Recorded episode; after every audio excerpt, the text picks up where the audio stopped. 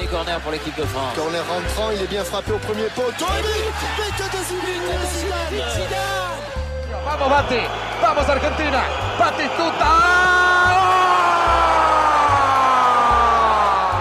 He's going to worry them again. It's a great run by Michael Owen, and he might finish it off. Oh, it's a wonderful goal! Frank de Boer speelt de bal. Heel goed naar Dennis Bergkamp. Dennis Bergkamp. Dennis Bergkamp met de bal aan. Dennis Bergkamp. Dennis Bergkamp.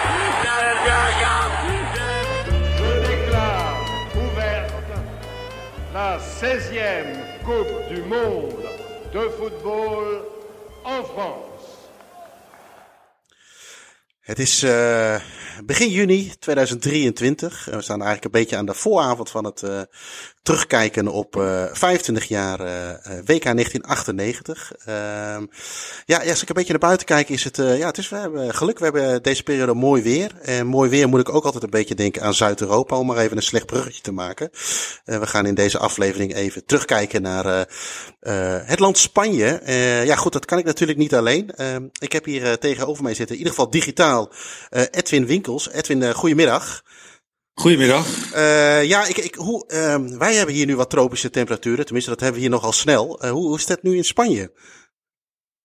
Nee, het is eigenlijk hetzelfde. Sommige delen van het land regent het zelfs. Maar ja, we hebben een groot land. Dus de afstand van de ene tot de andere kant is wel eens 1200 kilometer. Ja. En op de ene plek kan het mooi weer zijn. Maar bij ons, ja, het is al jaren droog. En uh, en, en redelijk warm. Jullie noemen het hier tropische temperaturen, maar dit is ja wat wij in het voorjaar, uh, voorjaar wel gewend zijn natuurlijk. en hoe snel loopt de Spanjaard in een korte broek? Uh, wij hebben hier natuurlijk al als het uh, 19 graden, 20 graden is, dan doen we de teenslippertjes al aan. Hoe zit dat eigenlijk in Spanje? Ja, ik had zelf altijd de regel van als ik Barcelona inging. Um, dan weigerde ik een korte broek aan te doen, want ik wilde vooral niet als een toerist uh, lijken altijd. Ja. Dus uh, uh, alleen de toeristen zijn altijd die, die, die op de Rambla, die lopen in een korte broek en dan niet zomaar een korte broek, maar ook nog enorm fel gekleurd en, en een vreemd t-shirt aan. Dus juist omdat ik geen toerist wilde lijken, maar inwoner van Barcelona, heb ik altijd met, met stug met, met lange broek te warme kleren misschien aangelopen. Maar op een gegeven moment had ik, ja, als, ik, als je er al zo lang woont, had ik er ook maling aan. Ik dacht, ja, als het gewoon warm is ja. en voor het werk uh, hoeft het niet. Uh, is niet verplicht of zo. Waarbij, ik weet wel, ik werkte, ik heb jarenlang bij een krant gewerkt. Een, in Barcelona, El Periodico. En de hoofdredacteur die vond het wel vreemd als ik dan en sommige anderen met een korte broek liep. Maar niet op, op de krant vond het niet erg. Hij zei maar, als jullie zo meteen naar een persconferentie moeten of een officiële gelegenheid, ja. hoe dan? Toen zei ik, nee, Antonio, zo heette mijn hoofdredacteur. En deed ik mijn la open en in mijn la lag dan altijd een lange broek. Ah, voor, ja, ja, ja, ja. Als ik naar de burgemeester moest of weet ik veel wat, dan was er altijd een lange broek die ik snel even aan, uh, aan kon doen. Ja, ja, want je verklapt al een beetje, uh, uh, inderdaad, hè, je, je, woont in Spanje. Ik had, misschien is het even leuk voor de luisteraar om heel eventjes te kijken, wie is, wie is Edwin Winkels? Ik heb begrepen dat je sinds eind jaren negentig in Spanje zit, als ik dat goed heb. maar, nee, heb je niet goed. Oh, dan heb ik het niet goed. Nou, dan vallen we al meteen nee. door de mand qua voorbereiding. Maar vertel eens even wie je bent, Edwin. Laat ik het jou zelf maar dan vertellen. Nou, het moet zijn eind jaren 80. Oh, sorry. Ik ben in 1988 naar uh, Spanje geëmigreerd, uh, toen ik 25 was. Uh, de, de liefde achterna. En ik was toen als journalist in Nederland bij een krant Het Vrije Volk, die bestaat niet meer. Daar heb ik ontslag genomen, toen ben ik naar Spanje gegaan. En, of naar Barcelona concreet. en dat was, dat kwam om twee redenen goed uit. Datzelfde jaar 1988 werd Johan Cruijff trainer van FC Barcelona. Dus wij kwamen eigenlijk tegelijk aan. En het was, uh, Barcelona was volop in de voorbereiding van de Olympische Spelen van 1992. Die de stad uh, volledig zouden veranderen. En voor iemand, ik zat eigenlijk per toeval zat ik in Nederland in de sportjournalistiek. Mm -hmm. Ja, bij iemand die sportjournali uh, sportjournalistiek deed, waren dat natuurlijk wel twee ideale ingrediënten om, uh, om mee aan de slag te gaan in, uh, in Barcelona. Ja, en uiteindelijk nooit meer, uh, nooit meer vertrokken. Dat zal één waarschijnlijk nee. door de liefde komen, maar ook door het werk, denk ik, of niet? Ja, beide. Als, je, ik zeg, als je eenmaal in Spanje, als je langer dan vijf jaar daar woont of buiten Nederland woont, is het heel moeilijk om terug te keren naar Nederland. Ik vind het leuk hoor. Ik kom regelmatig, eh, ben ik in Nederland. Maar uh, de manier van leven, het was rustiger. Uh, minder, minder stress bij de mensen ook vooral. Minder geruzie. Het, het, is, het is een wat relaxter land om te, om te leven. Dat heeft niet alleen met de siesta te maken of mañana, mañana. Ja. Maar de mensen zijn, ja, soms lijken het druktemakers, die Spanjaarden. Maar, uh, althans, dat vonden we altijd. Maar als je nu bijvoorbeeld het voetbal ziet, dan durf ik toch wel te beweren dat uh, in het voetbal de Nederlandse supporters grotere druktemakers zijn dan de, dan de Spaanse of Italiaanse supporters. Oké, dus eigenlijk zeg je al die redenen van Nederlanders die we zien bij Ik Vertrek, hè, dat inderdaad de drukte, de red race, dat soort dingen wat we hier wel, mee, hè, wat we hier wel hebben, ja, redelijk aan meedoen, dat, dat klopt dus eigenlijk wel. Zeker weten, ja. ja. Hoewel, kijk, bijvoorbeeld Barcelona is wel een drukke stad. Ik woon er net buiten. Maar uh, nee, ik kan, ik spreek regelmatig ook Nederlanders in Spanje. En uh, voor velen zeggen ze dat het, dat het moeilijk zou zijn om, uh, om terug te komen in, in, in, in Nederland. Ja, ja en, en in hoeverre is, is Barcelona ook echt Spanje? We kunnen natuurlijk de, de, verhalen van Catalonië en dat soort zaken. In hoeverre is, past Barcelona in, in Spanje? Ja, nou, ik zeg altijd, uh, Spanje is niet één land. Uh, het is zo groot. Spanje zijn echt verschillende volken. Uh, de Catalanen rond Barcelona, de Basken, de Galiciërs rond A Coruña. dat zijn historische volken. En ook in de rest van het land lijken de mensen helemaal niet op elkaar. Het is soms heel moeilijk te, te vergelijken. Dus ja, Barcelona vanzelfsprekend is Spanje. Al zal voor veel mensen daar. Barcelona is echt Catalonië mhm. natuurlijk. We kennen een beetje die, die, die, die onafhankelijkheid strijd en verlangens die, die er altijd geweest zijn. Ook niet bij iedereen hoor. Er wonen ook heel veel, uh, moet je zeggen, arbeidsmigranten uit de rest van Spanje in Barcelona, in en rond Barcelona. Uh, maar nee, het is zeker, het is eh, met Madrid, Sevilla, Valencia, een van de vier grote en, uh, en bepalende steden van, van Spanje. En is ook, wat je zei, bijvoorbeeld door die Olympische Spelen van 92 bijvoorbeeld een uithangbord geweest. En uh, van Spanje. En, en voor de meeste toeristen is zo'n citytrip naar Barcelona is een reis naar, naar Spanje toch? Ja, ja. Oké. Nou ja, laten we de tijdmachine even in gaan stappen, Edwin. We gaan naar 1998. wie was Edwin Winkels in 1998? Toen was ik sportverslaggever bij El Periodico, een grote krant van, in Barcelona. Mm -hmm. daar die tijd, ik was begonnen als, als ja, verslaggever van allerlei sporten en de Olympische Spelen van 92, atletiek, zwemmen, et cetera. En, maar net in die tijd was ik uh, een van de. Dit was een algemene krant, geen sportkrant. Uh, of is. En was ik een van de drie. zeg maar Barça-watchers. Okay. dus wij deden met drie verslaggevers zaten wij voortdurend op FC Barcelona. Dat betekende dat, dan wisten we elkaar wel af, dat we soms met z'n tweeën, soms eentje. Eh, we gingen elke dag naar de training.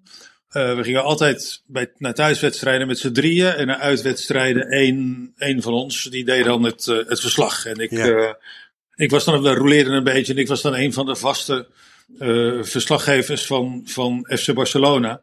Wat in die tijd ook nog het Barcelona voor het eerste seizoen van Louis van Gaal was in 1997, uh, 1998. Dus het waren de tijden dat ik uh, bijna om de dag met, uh, met onze vriend, vriend Louis van Gaal te, te maken heb, heb gehad. Wat wel een, een bijzondere periode was. Ja. En ja, verder deed ik ook nog wat andere sporten. Maar dat is wel, ja, nee, Barcelona was en is nog steeds zo belangrijk voor de kranten in en rond Barcelona. Uh, ja, dat je dat altijd uh, moest volgen en dat we er elke dag toch wel mm, twee pagina's, tabloidpagina's aan moesten besteden. Zo, ja. En, uh, en het was in zijn eerste periode was Van Gaal natuurlijk nog een iets andere persoon dan dat hij nu is, denk ik, of niet? In wat voor opzicht? Nou, gewoon qua karakter, qua persoon. Ik heb, ik heb altijd, als, als ik hem nu zag, zeg maar, ook voor, voorafgaand aan het WK in Qatar bijvoorbeeld, heb ik het idee dat hij wat, wat, wat, wat losser is geworden dan dat hij toen de tijd was. Oh, zeker. Nee, dit, waren, dit, waren, dit waren nogal uh, hectische periodes. Het was ook zijn, allereerste buitenlandse avontuur uh, naar Ajax, naar Ajax Ja. natuurlijk. Dus eigenlijk had hij niet zoveel idee van waar hij eigenlijk terecht kwam. Mhm.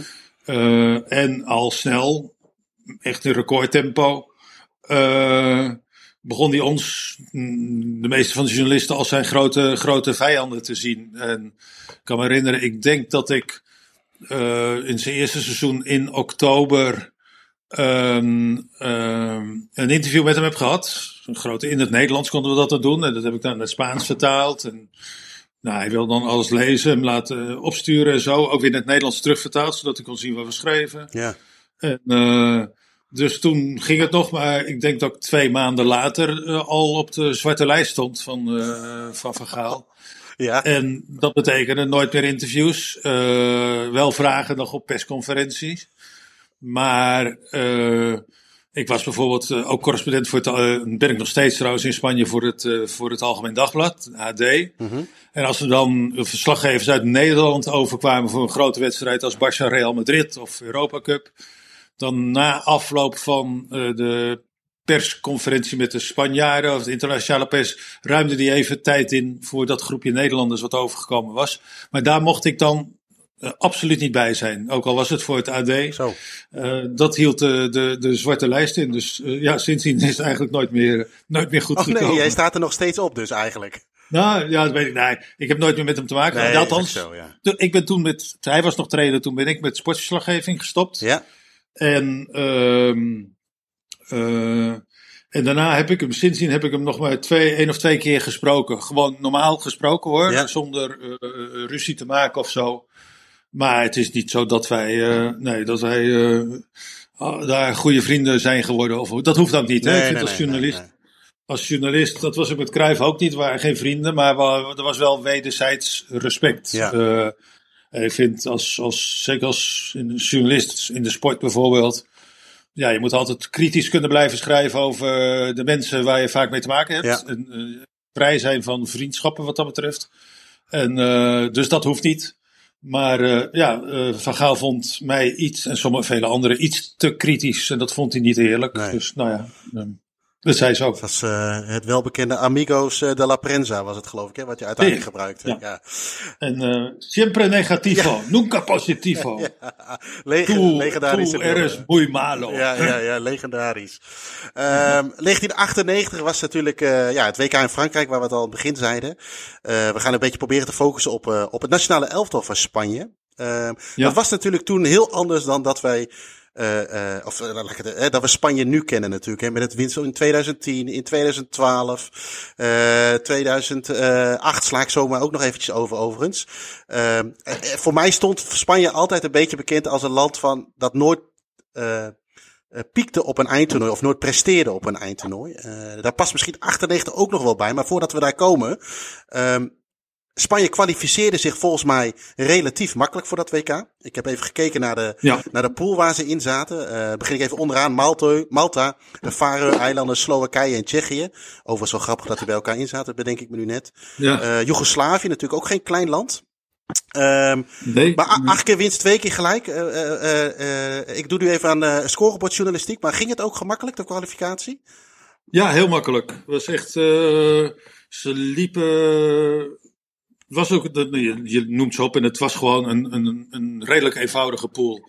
Eh volgens mij was Joegoslavië ook niet heel Joegoslavië meer, maar ik denk dat dit Servië-Montenegro was, denk ik, dat, zich nog Joegoslavië mocht noemen. Ja. Dat weet ik niet zeker, maar inderdaad, het, eh, en Spanje, maar dat, dat maar het was eigenlijk altijd zo. Spanje heeft het bijna altijd in, in, eh, in de kwalificaties goed gedaan.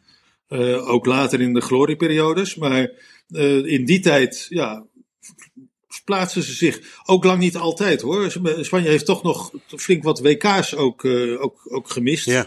Ehm, waaronder dat van 1974, waar, eh, hè, Nederlands- 1970, Mexico, waar Spanje ook niet, eh, Ja. ook niet heen gegaan. Dus eh, daarna inderdaad is het land er wel altijd bij, bij geweest. Ja. Eh, en dan kunnen we zo nog over hebben van bijna altijd een, een, een mislukking. Tot en met het WK in eigen land in 1982 aan, eh, aan toe.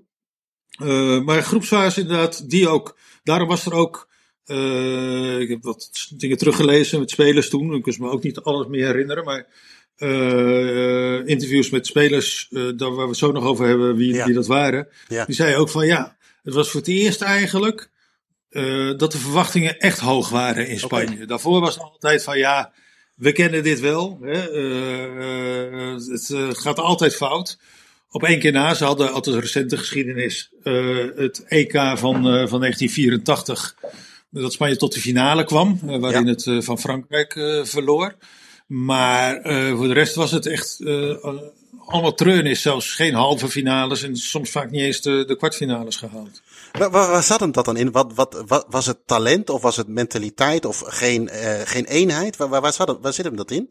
Ja, tot een bepaalde periode was ook niet zo heel veel kwaliteit. Nou, je had wel natuurlijk in clubvoetbal het Real Madrid van de jaren 50 natuurlijk, in ja. 60. Uh, maar toen bijvoorbeeld Cruijff bij Barcelona kwam in 1973, was Barcelona ook helemaal geen grote club of goed voetballende ploeg.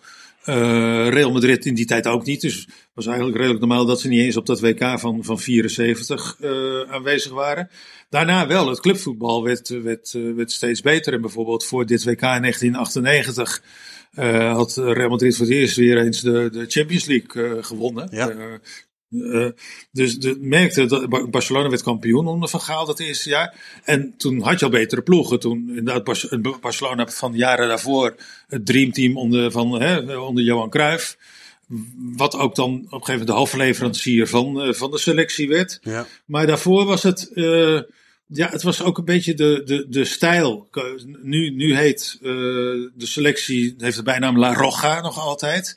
Hè, de, de rode selectie, maar tot uh, Spanje EK's en WK's begon te winnen, was het de La Furia Roja. De, de Fury. Het was het idee.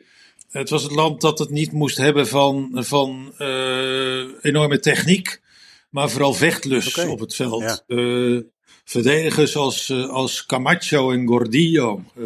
voor de jonge luisteraars, dat zijn echt mannen. Historische backs waren dat, van Real Madrid en Betis Sevilla uit de jaren, eind jaren 70, jaren 80.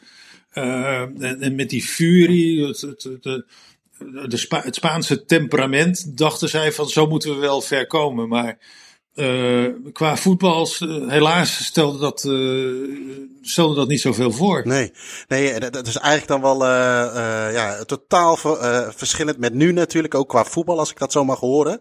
Ehm, in, ik, ik heb het even opgezocht, in 86 haalde het Spaanse elftal nog wel de kwartfinale van het WK. In 90 de achtste finale.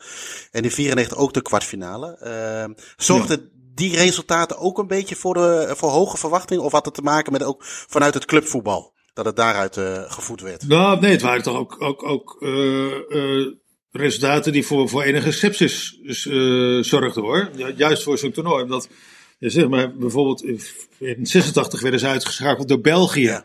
Dat daarna ver kwam. maar waar niemand toen echt een hele hoge pet van op had. In 1990 was Joegoslavië te sterk. En ja, 94 Italië, oké, okay, dat was dan hè, een rivaal van, een van, van, van, het, van hetzelfde niveau. Uh, en dat was een enorme teleurstelling. Maar juist daarom waren de verwachtingen niet zo. Uh, aanvankelijk niet. Er is altijd sepsis geweest over die eindronde. Ja. Maar juist omdat deze, de, omdat zoals ploeg gewoon goed hadden gespeeld. Inderdaad, geen enkele nederlaag. En, uh, en, en maar zes tegendoelpunten in die tien wedstrijden. 29 doelpunten voor. Dus ze scoorden gewoon drie doelpunten per wedstrijd. Maar ja, dat, moet je dus resultaten tegen de Vareur en Malta moet je kijken. Dat, uh, ja. Daar zullen wel wat doelpunten zijn gevallen. Uh, maar nee, daardoor en toch door, door uh, de selectie zoals die was, ja. was er inderdaad juist van. en, en de loting, hè, hebben we nog niet over gehad. Nee. Maar de loting voor, voor het WK was enorm gunstig, dacht Spanje. Ja. En dat, dat ze juist de eerste ronde werden uitgeschouwd, was een grote blamage. Ja, hey, en, en uh, uh, jij noemde net al, Spanje is een groot land, allemaal verschillende, ja, ook wel culturen in één land. Uh, merk je dat ook terug in, het, in de support naar het nationale elftal? Misschien toen de tijd, of zelfs misschien nu nog steeds? Jazeker. Het, het, het, in Catalonië, in Baskeland, kan de Spaanse nationale elftal nog steeds niet op uh, veel sympathie rekenen. Uh, voor, voor, ja, als, als je dat nooit meegemaakt hebt, voor mij was een bijzondere ervaring dat de beroemde finale van 2010 Zuid-Afrika tussen Spanje en Nederland, waar mensen het liever niet over willen hebben, maar ik zal het toch heel even doen. Ehm, dat ik door Barcelona liep, ik ging ook reportages maken en zo. En dat gewoon enorm veel Catalanen voor Oranje waren. Want ze wilden echt niet dat Spanje, dat Spanje wereldkampioen zou worden. Ook al zaten gewoon heel veel spelers van Barça bij die nationale selectie. Maar daar hadden ze, daar hadden ze niks mee op. Dat is altijd uh, zo gebleven eigenlijk. En niet voor niks bijvoorbeeld heeft Spanje heel weinig interlands in, in Barcelona of Bilbao of San Sebastian gespeeld. Dat was meer. Sevilla was jarenlang de, een beetje de speelstad. Ja. Um, Madrid wordt natuurlijk ook regelmatig gespeeld. Um, maar nee, support was nooit echt in het hele land. Het is juist omdat het, het is niet. Uh, je, je, hebt niet de, de, de Rogga-gekte zoals je de Oranje-gekte hebt. Het is ook niet. Uh, internationale toernooien zie je ook niet de stadions volstromen met, uh, met Spanjaarden. het is een groepje wat meereist. Ja. Maar nee, het is, het, Spanje is meer het land van clubvoetbal. Iedereen heeft zijn club. En, uh, en, ja, daarnaast, oké, okay, de ene houdt meer van de nationale selectie dan de andere. Maar uh, tuurlijk, in de goede periode, 2008 tot 2012, met twee EK's en één WK gewonnen, maakte het heel veel los. Uh, vanzelfsprekend. grote feesten en alles ja. in, in grote delen van het land. Maar over het algemeen ja, wordt het altijd een beetje cool ontvangen en, en heel kritisch bekeken. Ja, en hoe, hoe, hoe heb jij dat uh, WK gevolgd? wat je zei, volgens mij gaf je net aan, ik was een beetje gestopt met sportjournalistiek, of was het timing nee, nog een niet. beetje? Nee, Oké. Ja, ik, ik was nog verslaggever. Ik zou naar dat WK gaan, maar om Oranje te volgen. Ja. Uh, hè, ik had collega's die Spanje zouden doen. En van Oranje werd veel verwacht ook. Uh, dus ik dacht, ja, prachtig. Die, die zaten daar in de buurt van Monaco in een hotel. Ja. Ik kan me ook herinneren dat het warm was, maar door wegens privéredenen moest ik afzeggen. Dus heb ik gewoon vanuit thuis in Barcelona heb ik, uh, heb ik dat WK, WK moeten, Ja. moeten volgen. Ik moet eerlijk zeggen dat ik, uh, totdat jij me belde, van Spanje toen ook niet zoveel meer kon Nee, herinneren. nee, natuurlijk. je moest er echt weer even induiken. Ja, ja, ja. ja. Ja, nou, dat is af en toe ook wel leuk, hè? Ik, ik, ik hoorde het ook bijvoorbeeld van, uh, van je collega Juriaan van Wessem en van, uh, van Mario van der Ende, de scheidsrechter, die overigens een wedstrijd van Spanje heeft gefloten. Uh, komt ook nog terug in deze reeks. Die zeiden van ja, het, het haalt wel weer even herinneringen op, hè? En dat je het weer leuk is om er even in te duiken. Ja, goed, dan heb je, uiteindelijk moet er ook een selectie gevormd worden natuurlijk, van volgens mij toen nog 22 man. Ik zie voor mij een aantal ja, gewoon bekende namen. Uh, maar Ja. waren er ook uh, uh, spelers die bijvoorbeeld ontbraken door blessures of andere omstandigheden? Er was één grote, grote afwezige, dat was uh, Pep Guardiola. Oké. Okay. Uh, die was geblesseerd, had spierblessures het hele seizoen, worstelde hij al een beetje. En zelf een paar maanden voor het toernooi zei die, zegde hij af. Hij zei van, tegen bondscoach Javier Clemente, een Bask, zullen we het zo ook nog over hebben. Mm -hmm.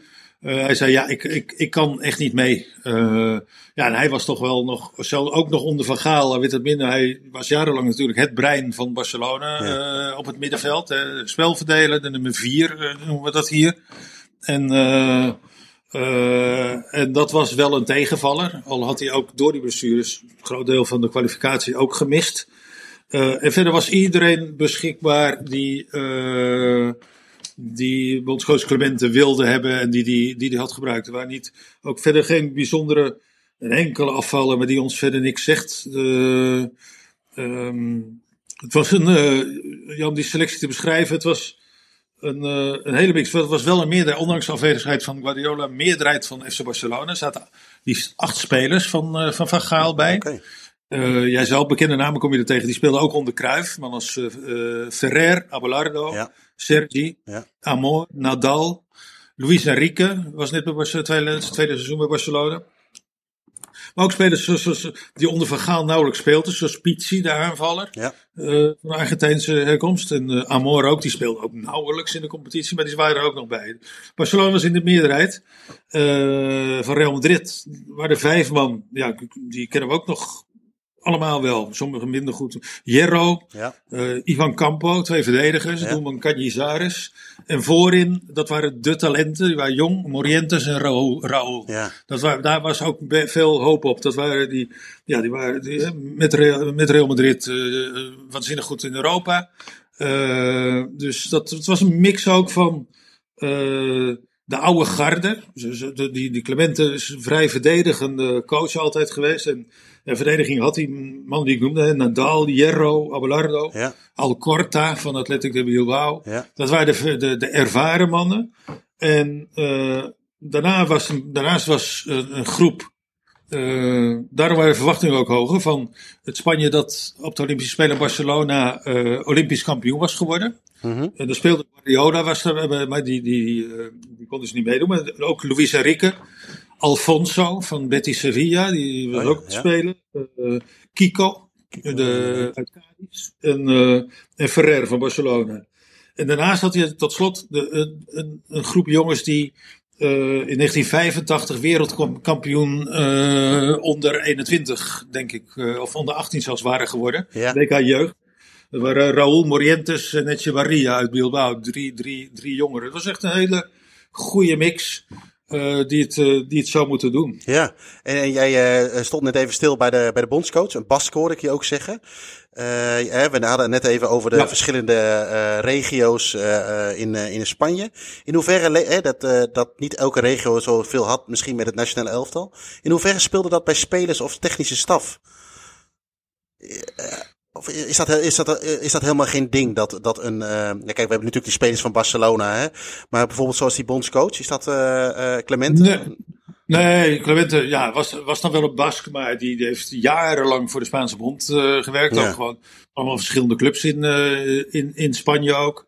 Eh, dus die hield daar niet echt aan. eh, dat was niet een overtuigend. Hè, anders zou hij natuurlijk nooit Nee. bondscoach eh, van, eh, van Spanje zijn geworden. Nee, zeker in die tijd. Ik noemde net de namen al. dus je had bij elkaar al 13 man van, van Barça en Real. En dat is wel een geschiedenis Later is dat veranderd, nu op dit moment helemaal. Maar toen was echt Barcelona, Real Madrid, dat waren gewoon de hofleveranciers van, eh, van de Spaanse selectie. Ja. Meer dan de helft van de selectie. En daarna wat van ander, wat, enkeling van, van de andere clubs erbij. Dus er werd wel uit het land een beetje gekeken. Goh, hè, het is altijd Barça, altijd Real Madrid. Tuurlijk, die, die verdeelden het kampioenschap bijna elk jaar. Ja. Eh, zo wordt er wel een beetje naar gekeken. En, en onder Clemente, dat zie je ook, dat er waren wel dan drie of vier Basken bij ook ineens. Ja, Die hadden natuurlijk ook goede spelers hoor, maar het heeft altijd wel een beetje meegespeeld van eh, eh, de, ja, de nationaliteiten van de jongens. Maar het was wat later dat jongens zoals, eh, werd vaak naar, jongens zoals Piqué, Puyol werd er naar gevraagd. Willen jullie wel van, ja, ze zei, ons land is eigenlijk Catalonië. Ze zijn echte, echte Catalanen.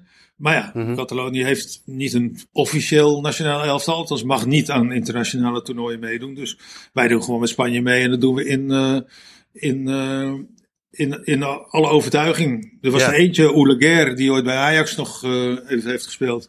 Die was echt eh, dat hij op een gegeven moment zei van ja, ik, ik ga niet meer voor Spanje uitkomen of zo. Dat was het meest fanatieke van, van allemaal. Maar verder onder spelers, die zijn allemaal altijd met genoegen toch wel bij, bij, bij- hebben ze bij Spanje gespeeld. Oké. En, en, en Clemente, wat was dat voor bondscoach? Wat was dat voor persoon? Ja, hij, liep, hij riep toch al wel wat weerstand op door zijn karakter. Hij was een enorm stugge man. En eh er zijn toch ook vooral veel verweten met ja, dat, toch dat talent wat ik je net, eh, net noem. Ehm, dat hij toch altijd uitging van de verdediging. Eh, hij speelde het liefst met vijf man achterin. En de- toch ook nou, niet echt statische verdedigers, maar en, en mannen als Jerro. Jerro, er was het wel eentje die veel doelpunten kon scoren. Ja. Maar eh, waar, waar toch wel verdedigers voor echt achterin. Hoewel de backs ook wel vanuit Barcelona, Sergi en Ferrer waren gewend een beetje op te komen. Maar hij, hij, hij was nogal benauwd. De, je zag hem niet snel met, met drie spitsen spelen. En, en daar, was, daar was altijd wel, wel kritiek op van uh, durf deze. Hij uh, was er ook zo eentje, een beetje als Van Gaal, die toch altijd wel een beetje de ruzie zocht, een beetje zagrijnig de ruzie zocht met de media. En ja, zeker rond de selectie.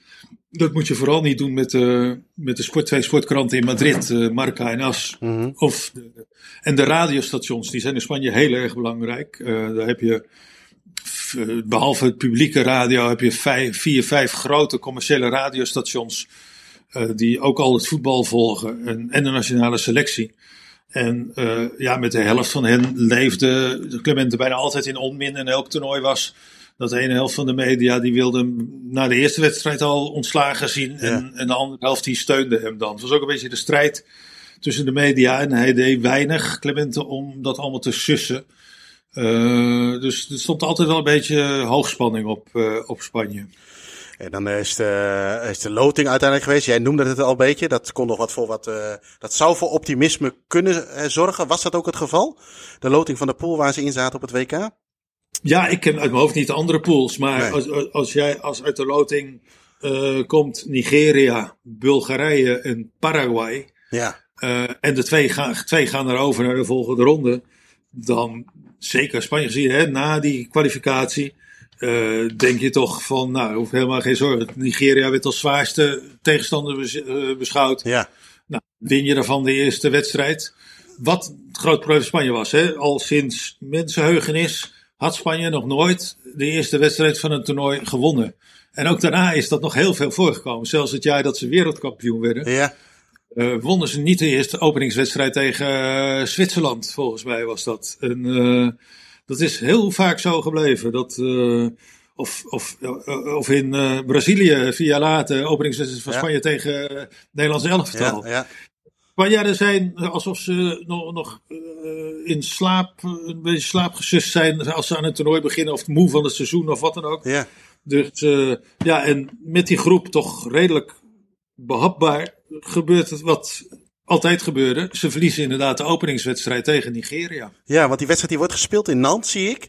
Uh, op 13 juni 1998. Overigens uh, een, een, dag, een wedstrijd die overdag werd gespeeld. Ik weet niet of dat nog wat gevolgen had voor de temperaturen en dat soort zaken. Maar uh, ja, de openingswedstrijd is direct tegen Nigeria.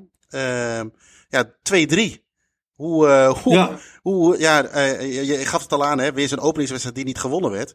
Maar uh, was, het, ook, nee, was die, het ook terecht? Of, Nee, die, die, hadden ze gewoon moeten winnen. Spanje had hele goede kansen. Was echt de beter voetballende ploeg ook. Ja. En kwamen met 1-0 voor, 2-1 door, door Raúl. En eigenlijk, het was al de tweede helft. En eigenlijk hadden ze vanaf 2-1 die, die, die wedstrijd moeten, moeten winnen. Ja. Uh, maar uh, ja, dan uh, doet zich de enorme blunder van doelman Zubizarreta voor. De doelman op dat moment van Valencia. Hij was jarenlang van Barcelona ja, geweest. Ja. hij was de voorgaande doelman Arconada opgevolgd omdat hij in 84 in de finale tegen Frankrijk een grote blunder had gemaakt op een vrije trap van Platini. Ja. Waardoor Frankrijk Europees kampioen werd en Spanje niet. En nu, dit was het, moest al het laatste toernooi van Zubizarreta zijn. Die had heel wat, dit was zijn vierde WK al. Zo. En dit was het laatste en een, een, een, een, een voorzet uh, op links. Uh, en hij staat net iets ver voor zijn doel. En met zijn, die voorzet komt van links. En hij duikt naar rechts om die bal te stoppen. Want die komt tussen de hem en de paal in. Gewoon voorgetrokken. En hij duwt hem zelf met zijn hand over de, over de achterlijn. Ja, het is 2-2.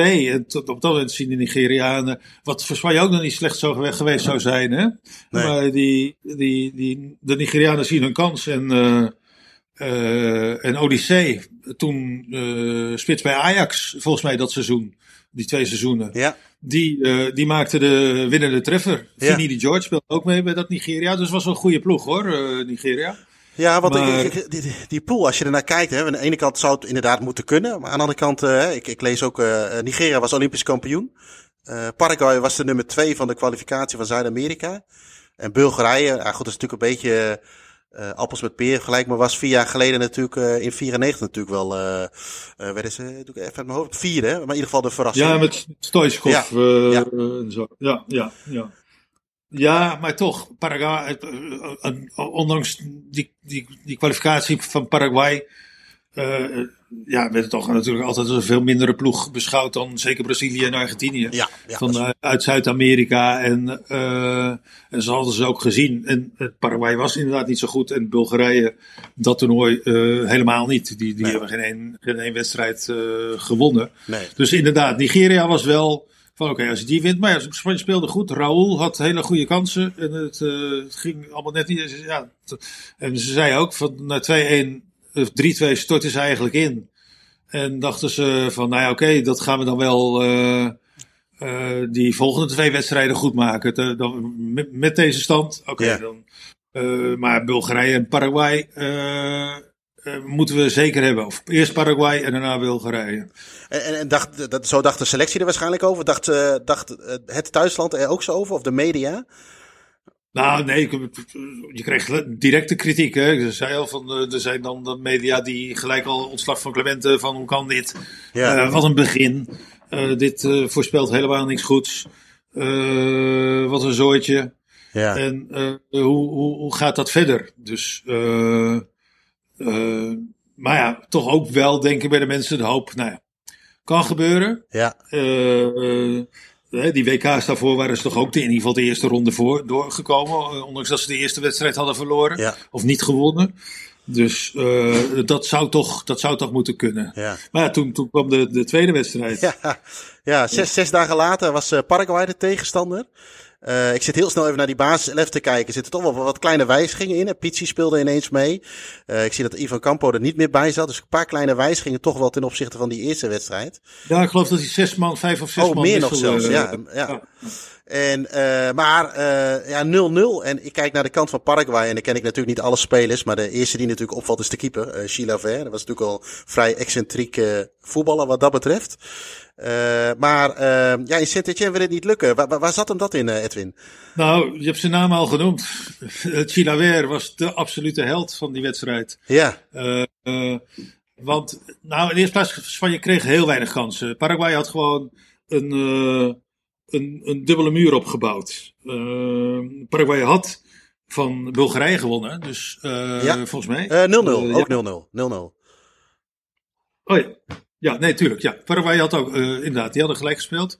Uh, maar die dachten, oké, okay, dus Spanje had verloren. Dus uh, gelijk spel tegen Spanje zou ook prima zijn. Dan zouden ze voorblijven. Ja. en misschien op het laatst toeslaan. Dus Paraguay wierp echt, die hebben niet gevoetbald die wedstrijd, bijna niet. Die wierpen een muur op, een dubbele muur. En de, Spanje kwam er echt weinig door. Maar de keren dat ze goed doorheen kwamen, stond er altijd Chilaver uh, op, de, op de plek. En uh, daar is Spanje echt heel wanhopig van. En, uh, en, en ja, voor, voor, voor, Paraguay was hij de held en 0-0 uh, bleef het. Ja. en, en, en, en, met de stand in de groep, die zag dat ze van ja, Nigeria gewoon, die, had van, die won van Bulgarije. Ja. Dus ja, Bulgarije werd ook als zwak beschouwd. Dacht Paraguay van, nou wij hebben uh, wij hebben nog kans met, uh, met zo'n gelijkspel. Ja, want Nigeria-Bulgarije overigens was wel dezelfde dag, dat klopt. En, maar die wedstrijd was ervoor inderdaad, dus die uitslag konden ze meenemen. Ja, en, en, en dan laat je het eigenlijk als land dus een beetje op die laatste speelronde aankomen. Uh, waar die duels natuurlijk wel gelijk gespeeld werden. Maar toen hadden ze toch nog wel een kleine kans uiteindelijk, of niet? Ja, nou, maar, maar Spanje wist dat ze het niet in eigen hand hadden. Ja. Uh, dat was het grote probleem van die laatste wedstrijd. Uh, als uh, Paraguay, Paraguay had, begon met twee punten, Spanje met één punt. Ja. Als Paraguay van Nigeria zou winnen, ja. Nigeria had, had al zes, zes punten, ja.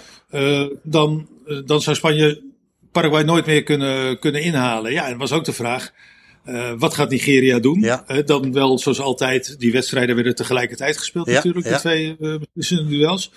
Maar ja, wat gaat Nigeria doen? Die waren al door. En, en zelfs als, als eerste. De, die plaats konden ze ook niet meer verliezen. Dus inderdaad, daar gaf de, de coach veel spelers rust. En wedstrijden waren net onderweg. toen, pam, toen Paraguay al gelijk de 1-0 scoorde. Ja, en dat kwam ook bij, bij, bij Spanje binnen. Ja. Dat eigenlijk eindelijk tegen Bulgarije uit, uh, uit zijn slof schoot. Met 6-1 won. Ja. Um, maar dat, die, die spelers waar ik net aan refereerde, waren Morientes en Raúl. Die, die keken een maand later op dat WK terug. En, en die zeiden van ja, Morientes ook, die scoorde, weet niet welk doelpunt die scoorde. Toen hij het zoveelste doelpunt scoorde. En ze, we keken naar de bank. En we zagen dat echt niemand juichte om, uh, om de 4-1 of 5-1. Omdat ze wisten dat Paraguay al 3-1 aan het winnen was Ja. van, uh, van Nigeria. Ja. Dus ja, ja, elk extra doelpunt wat zij zouden maken, dat was dat volledig steriel. Dat, dat zou ze niet meer, uh, niet meer verder kunnen, kunnen helpen. Dat was voor Spanje een, ja, een, een, een, een, een totale nietszeggende overwinning op Bulgarije uiteindelijk. Ja, want sorry, uiteindelijk uh, worden ze ja, uitgeschakeld, hè, omdat inderdaad Paraguay gewoon, of gewoon uh, dat Paraguay wint. Uh, ja, dan, dan neem ik aan dat het wat onrustig wordt in Spanje, of in ieder geval in medialand, denk ik, of niet? Zeker, ja, nee, een, een, een, zo'n uh, voetballand. En is het net, hè, Barcelona was toch in aardige vorm, Real Madrid, uh, Champions League. Ja. Uh, die talenten die doorkwamen, het waren gewoon allemaal goede spelers. En qua selectie was die echt beter dan, dan de jaren ervoor. we wisten nog niet wat daarna, de, decennium daarna zou gebeuren, maar op dat moment ja, was het een van de beste selecties die Spanje ooit had gehad. Dus was vooral terug, ja, hoe kan het nou dat het toch weer fout was gegaan? Ja. En, tuurlijk werd dan, tuurlijk werd naar bondscoach Clemente gewezen. Dit was zijn tweede toernooi. Uh, maar hij werd niet ontslagen. De bond die hield hem gewoon in het zadel. Uh, totdat ze in de volgende, toen kwam, begon de kwalificatiereeks voor het EK, verloor Spanje van Cyprus. Ja, nou, toen, toen was het lot van Clemente bezegeld en, uh, en vloog hij eruit. Ja. Uh, en ja, dat was nog een beetje in die, in die algemene, die grote kater uh, van het Spaanse voetbal. Dat aan de andere kant ook nog nooit uh, ja, enig vrolijk puntje had meegemaakt. Ze waren ooit Europees kampioen, kampioen in 1960 geworden, maar dat was een heel vreemd toernooi. in de tijden van Franco, de finale werd in Madrid gespeeld. En uh, we deden maar vier landen mee, geloof ik. Dus dat, ja, dat was eigenlijk een EK van, van, van voor deze tijd. Dus ja. een groot plezier als land hadden zij, hadden zij, hadden zij nog, nooit, uh, nog nooit geboden. Nee, en uiteindelijk neemt na dat toernooi neemt uh, Zubizarreta neemt afscheid. Ik zie dat hij ja. 126 keer voor het nationale elftal heeft gespeeld. Uh, ik, ik ken hem eigenlijk alleen maar een beetje vanuit de, de, de Cruijff-tijd, de Barcelona-tijd. Als je 126 keer gekiept hebt, dan kun je wel wat, toch? Ja, en hij is kort geleden heeft bij, bij Betis heeft Joaquin afscheid genomen van, van het voetbal. Ja. En die heeft net Subisarete gegeven uit met een aantal wedstrijden in de Primera División. Uh, het zijn de twee spelers die het meest geweest hebben gespeeld. Ja. Uh, uit mijn hoofd, sorry, meer dan 600 keer geloof ik. Dus nee, Suisse Reta was gewoon een, een goede, degelijke keeper. Hij had af en toe zijn dingetjes, maar ja, bijvoorbeeld Cruijff was toch altijd veel eisend. Hij was niet echt typische keeper van Cruijff van met heel veel meevoetballen. Uh, hè, zoals Cruijff bij, bij Ajax Stanley Menzo per se wilde hebben. Uh, echt een meevoetballende keeper. Ja, ja. Dat, dat deed Subisareta niet. Maar hij was wel heel, heel betrouwbaar. Hij kon blind vinden met zijn verdedigers. Uh, al zat hij bij Valencia. Nou, man achterin Abelardo Nadal. Daar had hij jaren mee bij Barcelona gespeeld. dus hij was wel betrouwbaar. Het was ook maar één foutje. Dat ene foutje. Maar ja, dat kan soms uh, beslissend zijn op, uh, op zo'n toernooi. En het was al bekend dat hij zou stoppen met, uh, met, met de selectie. Hij ja. was al op leeftijd, dus er was tijd ook voor, voor een nieuwe lichting. En dan ja, hè, liggen ze er weer uit. de, de periodes erna was het ook niet direct groot feest. Waar, waar zat het kantelpunt in voor het nationale elftal zoals we het nu kennen? Oef. Er is uh, één, uh, één heel belangrijk moment. Uh, dat is nogal een verhaal. Nou, ik zal het proberen kort te houden. Ja, ja, ja. zeg maar, nou, ik noemde zijn naam net al. dat WK begint eigenlijk de periode van Raúl. Ja. Bij, bij de selectie. Raúl wordt samen met Jero de leider van Real Madrid ook. En vanaf dat moment, de, de komende tien jaar ongeveer, ietsje korter, zal die selectie om Raul draaien. is nogal een baasje altijd geweest. Uh, alle, alle bondscoaches die zagen hem als, behalve Jero, uh, Raul als, uh, als, als de leider. En, ja. en Spanje in die tijd bleef ja, heel traditioneel voetballen. Zonder, ja, zonder vernieuwing. Weinig verrassing. Nog steeds die furia. We moeten het hebben van de inzet. En, uh, zo, en, en, de doelpunten van Raúl. En, uh, en zo, zo winnen we wel. Uh, totdat het, het Barcelona. Ja, dat was nog veel. Nee, nee, hoe lang heeft het Ja, dat heeft flink wat geduurd. Totdat Barcelona onder eerst Rijkaard en daarna Guardiola. totaal ander voetbal gaat spelen. waarmee ze de hele wereld verbazen. We kennen het nog ja, allemaal, die ja. Natuurlijk met Messi, maar ook met spelers als uh, Xavi, Iniesta. En, uh, en, en zo maakte de selectie ook een verandering door. En op een gegeven moment de bondscoach, eigenlijk een, een oude veteraan, Luis Aragonés, Madrileen ook, die besluit niet meer naar Raoul te luisteren. Raoul was altijd de baas. Die bepaalde zo bijna ook wie er geselecteerd werd en, en hoe er gevoetbald werd.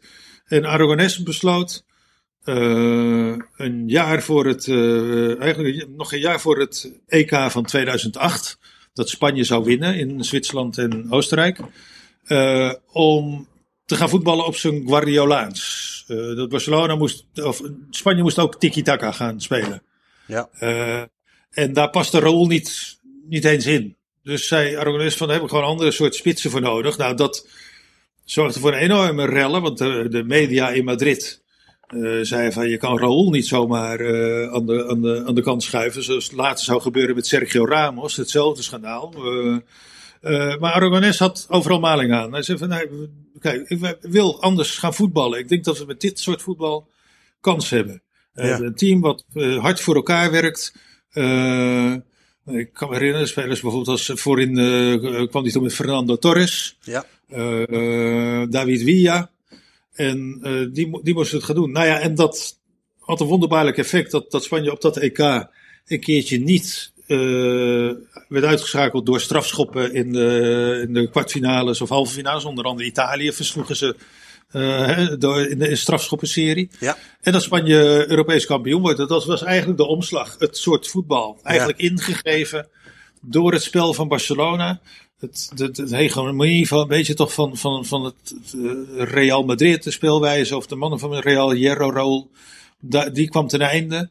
En, uh, en daar is de, eigenlijk de ommekeer in het uh, Spaanse voetbal gekomen. En het soort voetbal is sindsdien ja, niet altijd even succesvol, maar is sindsdien wel altijd hetzelfde gebleven. Ook onder uh, Del Bosque, de opvolger van, van uh, Aragonés ook een Madrileen, maar die had ook maling aan alle druk uit Madrid ja. om uh, weer uh, in genade aan te nemen. Ze nee, dit elftal functioneert prima.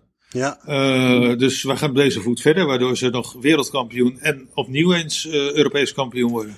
Ja, ik denk dat mijn, weinig mensen in 2008 uh, misschien Spanje nog wel een keer uh, de groepsfase door lieten komen. Maar vaak was het toch wel het land wat je als eerste liet vallen, zeg maar, in een, uh, in een knock-out fase. Ja. nou ja, we hebben daarna inderdaad wel meegemaakt. Jij noemde dat het al, uh, tiki-taki voetbal. Dat hebben we ja, misschien soms nog wel tot in den treuren gezien. maar ik, zat, ik moest nog even nu net denken, nu je aan het vertellen was, aan het afgelopen WK in, in Qatar. Begonnen ze natuurlijk goed. Maar ik had een beetje dat idee dat dat van goed naar uh, uh, ja, slecht ging. Met een hele uh, ja, troosteloze uitstraling uiteraard weer naar penalties. Um, is er dan nu weer ergens een, een, een moment dat er weer een nieuwe, ja, hoe zeg je dat, nieuwe lichting moet komen? Of dat er weer van een oude lichting afscheid genomen wordt? Ja, dat merk je. Als je de, de, de, van de laatste wedstrijden, dus nieuwe bondscoach gekomen. Hè, in plaats van Luis Enrique. Ja. Uh, uh, als je nu spelers ziet. Ja, ah, Spanje heeft nog altijd goed clubvoetbal of zo. Maar over het algemeen is niet meer de kwaliteit uit die, van die gouden periode natuurlijk. Nee. Echt iedereen heel goed was. En heel goede voetballers en technisch uh, fenomenaal. maar het is net niet. nee, het land loopt er ook niet zo warm meer voor. Ze kennen sommige spelers ook niet zo goed. Heel veel jongens dat had je eigenlijk nooit in Spanje. Die, die zijn in het buitenland gaan voetballen. Hè? Engeland, ja. Duitsland. Um, sommigen waren zelfs een beetje onbekend. Het is zeker het, het overwicht van Barcelona en Real Madrid. Dat, dat, dat is eigenlijk voor het land en het voetbal wel mooi om te zien. Dat overwicht van die twee grote is helemaal weg. Mm -hmm. uh, Real Madrid heeft nog nu Carvajal. Uh, en af en toe Marco Asensio die vertrekt in, uh, in, in de selectie. En Barcelona ook, ja, Pedri, Gavi, dus de talenten, uh, Ansu Fati is er weer bij. Dus de jonge talenten die komen op, maar van de, van de oude garde uh, uiteindelijk ook niemand, uh, niemand meer. Nee. Of er moet afscheid van genomen worden. Dus er is wel een nieuwe lichting, maar en, en sinds Spaans clubvoetbal hebben we ook weer Europa gezien met Sevilla, dat weer de Europa League wint natuurlijk. Uh, Villarreal, wat gewoon een hele goede ploeg heeft, waar goede spelers vandaan komen. Uh, de Baskische clubs. Maar het, ja, het moet misschien nog meer een geheel worden. En, en ontdekken dat over het algemeen, maar dat is logisch in, in, in zo'n land. De, de, de, de huidige lichting heeft net wat minder kwaliteit dan die, die werkelijk uitzonderlijke lichting natuurlijk van, van 2010, dat wereldkampioenschap. Ja. Uh, kijk, dat heb je ook zelden, dat, dat zoveel spe goede spelers uh, samenkomen in een, uh, in een elftal. En die weg zijn ze weer aan het zoeken, maar dat nog wel altijd met hetzelfde soort voetbal. Dan kan je wel zat worden inderdaad. Soms is het, dat merkt je, te vaak breed spelen. En, en te, op dat WK in Qatar ook, ja. te weinig diepgang van jongens. Doe, uh, me speelde wel een hele goede wedstrijd op het, op het WK. Dan zag je het, zag even, even het, het Spanje uh, als het verticaal speelde van hoe gevaarlijk, hoe sterk en hoe doeltreffend uh, ze waren. Maar ja. het is toch vaak ook weer een beetje van, van net niet. Hoewel ze de, de, de kwaliteit wel hebben natuurlijk. En uh, even, als we kijken naar, uh, naar het, uh, naar, even terug naar 98, van, naar het WK 98. Wat was voor jou, uh, wat was voor jou de mooiste herinnering van dat toernooi? Oef, ja, nee, maar dat, ik denk toch, als je vraagt, dan, dan, dan komt iedereen met hetzelfde. Dus Aan de Nederlander, ja. Met de Nederlandse ogen bekeken. Wel meer, meer, ik denk meer dan dat doelpunt alleen, is denk ik de herinnering aan toch hoe, hoe, hoe, ze speelden tegen landen als Argentinië en Brazilië. Wat ook een beetje denken, toen, toen uh, Oranje in 1974 wereldkampioen werd, op een hele bijzondere manier uh, zetten ze toen Argentinië en Brazilië opzij. Waren zoveel beter.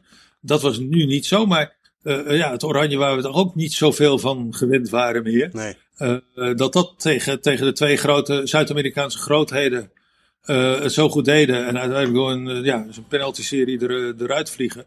Dat was heel jammer natuurlijk. Maar ja. dat, uh, ja, nee, dat, ik denk dat de sfeer was er goed. Een, een bondscoach, de die die spelers ook hun gang niet gaan, de vrijheid gaf die, die, die nodig was uh, voor, voor, voor veel spelers.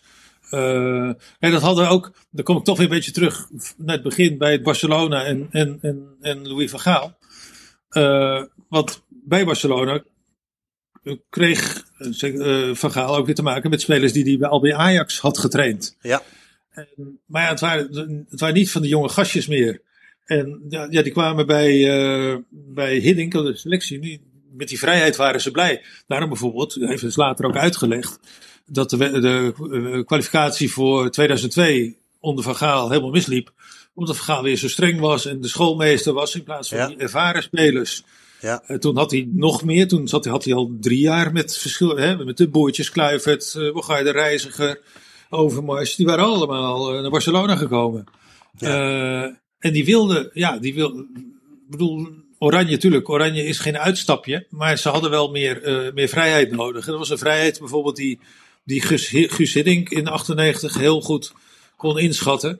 En zei van jongens, als jullie je eigen fysiotherapeut willen hebben, uh, daal even af naar Monaco en laat je masseren. Voor mij geen, geen enkel probleem. Ga uit eten, wat ze veelvuldig deden, geloof ik ook. Dus die vrijheid, blijheid leiden ook tot, tot ja, hele goede groepsferen, goede resultaten. Ja, oké. Okay. Nou ja, in ieder geval uh, uh, ja, mooie, uiteindelijk ook wel mooie herinneringen wat betreft Nederlands elftal. Wat voor de Spanjaarden, Spanje dan wat, wat minder. Uh, ja, maar goed, zo gaat het nou af en toe in een toernooi. En uh, misschien dat we over 25 jaar nog eens een keer kunnen terugkijken naar de, de mooie jaren van Spanje. Edwin, mag ik jou hartelijk danken voor jouw mooie anekdotes en je mooie verhalen uit die tijd. En, ja, Jeroen, en, ik, ik, jou dank voor dinges, dat we elkaar hebben kunnen spreken. Je hebt me ook gedwongen om weer eens terug te denken aan hè, wat, ja. hoe, hoe, hoe Spanje was voordat het tot de favorieten ging behoren van, van, van elk toernooi. En ja, dat je ergens vandaan moet komen. Eigenlijk heel diep ergens vandaan om, uh, om, om misschien toch ooit een goede ploeg te kunnen worden. Ja. Ja, en ik, dat het allemaal niet vanzelfsprekend is, dat, uh, dat zien we natuurlijk nu ook nee. wel een beetje met Nederland zelf dan natuurlijk. Hè? Dat, uh, je, moet ook, je moet ook een beetje geluk hebben met je lichting. En uh, ja, zeker. dat hebben zij gehad. Uh, Edwin, nogmaals dank en uh, wij gaan elkaar wellicht in de toekomst weer spreken. Gracias. Bedankt voor het luisteren naar deze aflevering. Vergeet niet op deze podcast te abonneren om op de hoogte te blijven voor nieuwe afleveringen.